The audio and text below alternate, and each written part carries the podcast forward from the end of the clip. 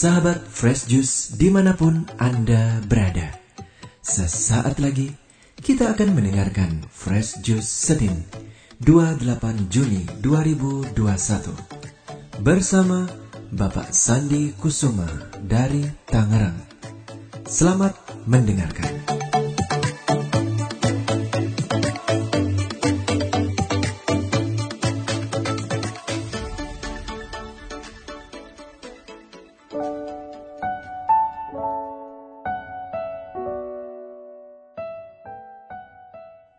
Para pendengar dan pewarta Daily Fresh marilah kita renungkan apakah kita telah menjadi pengikut Yesus yang setia?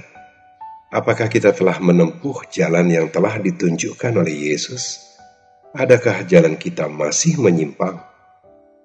Marilah terlebih dahulu kita mendengarkan sabda Tuhan dari Injil Matius pasal 8 ayat 18 sampai 22 tentang mengikuti Yesus.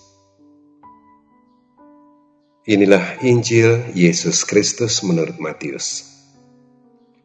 Pada suatu hari, banyak orang mengerumuni Yesus. Melihat hal itu, Yesus menyuruh bertolak ke seberang. Lalu datanglah seorang ahli Taurat dan berkata kepadanya, "Guru, aku akan mengikuti engkau ke mana saja engkau pergi." Yesus berkata kepadanya, Serigala mempunyai liang dan burung mempunyai sarang, tetapi anak manusia tidak mempunyai tempat untuk meletakkan kepalanya. Seorang lain, yaitu salah seorang muridnya, berkata kepadanya, "Tuhan, izinkanlah aku pergi dahulu menguburkan ayahku." Tetapi Yesus berkata kepadanya, "Ikutilah aku." Dan biarlah orang-orang mati menguburkan orang-orang mati mereka. Demikianlah Injil Tuhan.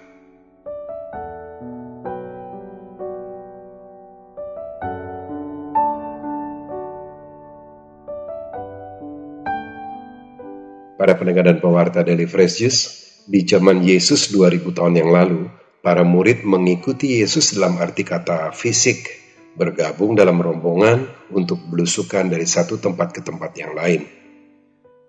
Di antara para murid itu, ada yang memang dipanggil oleh Yesus, tetapi sebagian besar lainnya mengikuti Yesus karena kehendaknya sendiri atau karena mendengar tentang Yesus lalu tergerak untuk mengikuti Yesus.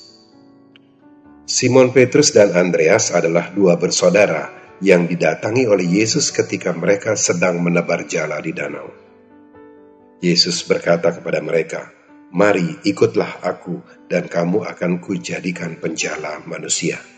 Lalu mereka pun meninggalkan jalannya dan mengikuti Yesus. Begitu pula halnya Yakobus, Yohanes, atau Lewi si pemungut cukai, dan juga murid-murid lainnya.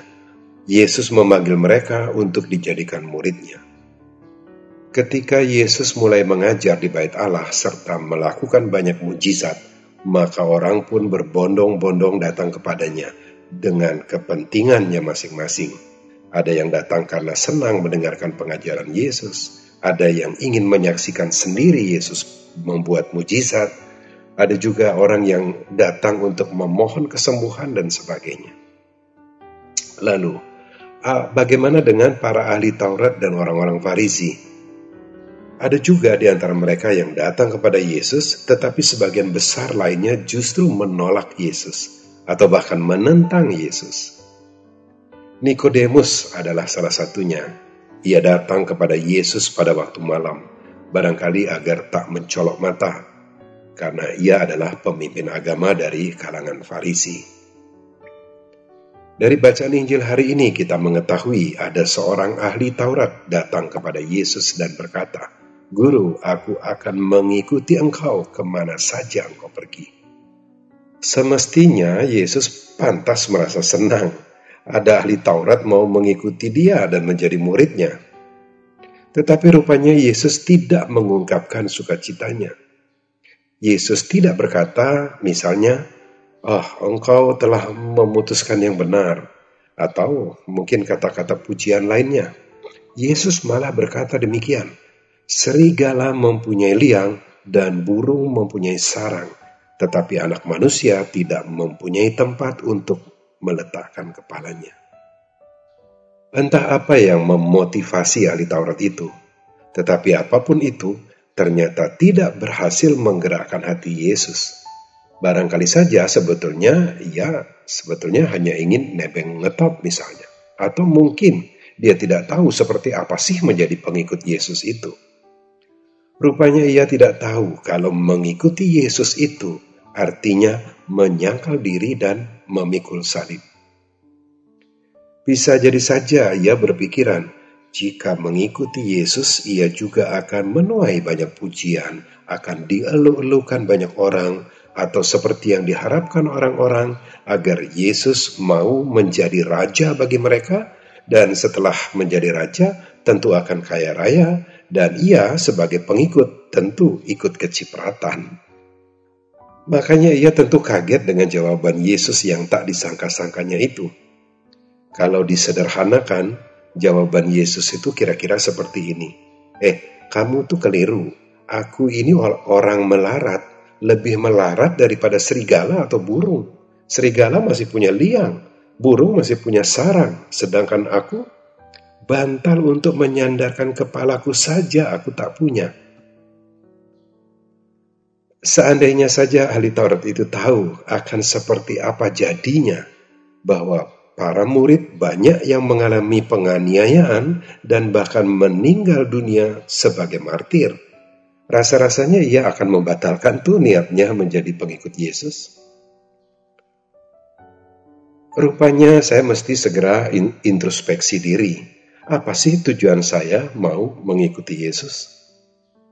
Apakah seperti ahli Taurat itu berharap bakalan sering mendapat rezeki nomplok, menjadi kaya raya atau menjadi orang terkenal? Mengikuti Yesus di zaman sekarang ini tentu berbeda. Kita tidak secara fisik belusukan bersama Yesus. Mengikuti Yesus itu artinya menempuh jalan mengikuti rambu-rambu yang telah dipasang oleh Yesus agar kita dapat mencapai tujuan akhir kita, yakni hidup kekal di surga. Mengikuti Yesus juga berarti mengerjakan hal-hal yang dikerjakan oleh Yesus, berbuat kebaikan, menolong orang yang berkesusahan, rela berkorban, dan sebagainya. Mengikuti Yesus juga berarti melaksanakan perintahnya untuk mewartakan Injil ke segenap makhluk sampai ke ujung dunia. Ya, kita memang diminta untuk menundukkan kepala agar kita dapat memandang langkah kaki kita, agar jangan sampai terjadi kita berjalan menyimpang dari jalan Yesus. Kita diminta untuk masuk ke dalam kamar ketika berdoa kepada Allah. Kita diminta diam-diam ketika bersedekah. Jangan sampai diketahui tangan kirimu apa yang diperbuat tangan kananmu.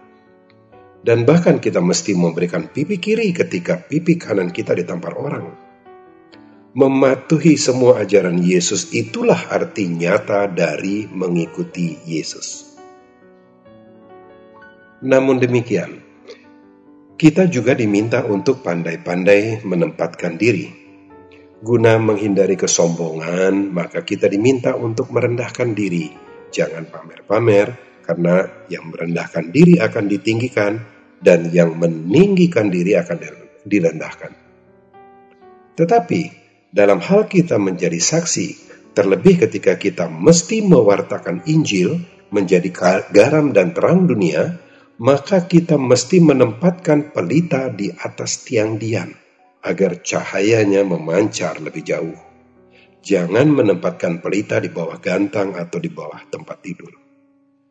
Dan janganlah kita menjadi lupa bahwa melaksanakan kehendak Tuhan adalah prioritas utama dan yang terpenting, yang mengalahkan segala urusan lainnya.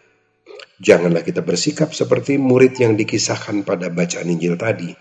Senangnya mengulur-ngulur waktu, menunda-nunda tugas perutusan kita dengan berbagai dalih untuk dijadikan alasan menolak panggilan Yesus. Marilah kita secara fanatik dan radikal mengikuti Yesus Tuhan kita. Amin. Sahabat Fresh Juice Kita baru saja mendengarkan Fresh Juice Senin 28 Juni 2021. Terima kasih kepada Bapak Sandi Kusuma untuk renungannya pada hari ini. Sampai berjumpa kembali dalam Fresh Juice edisi selanjutnya. Jaga kesehatan dan salam Fresh Juice.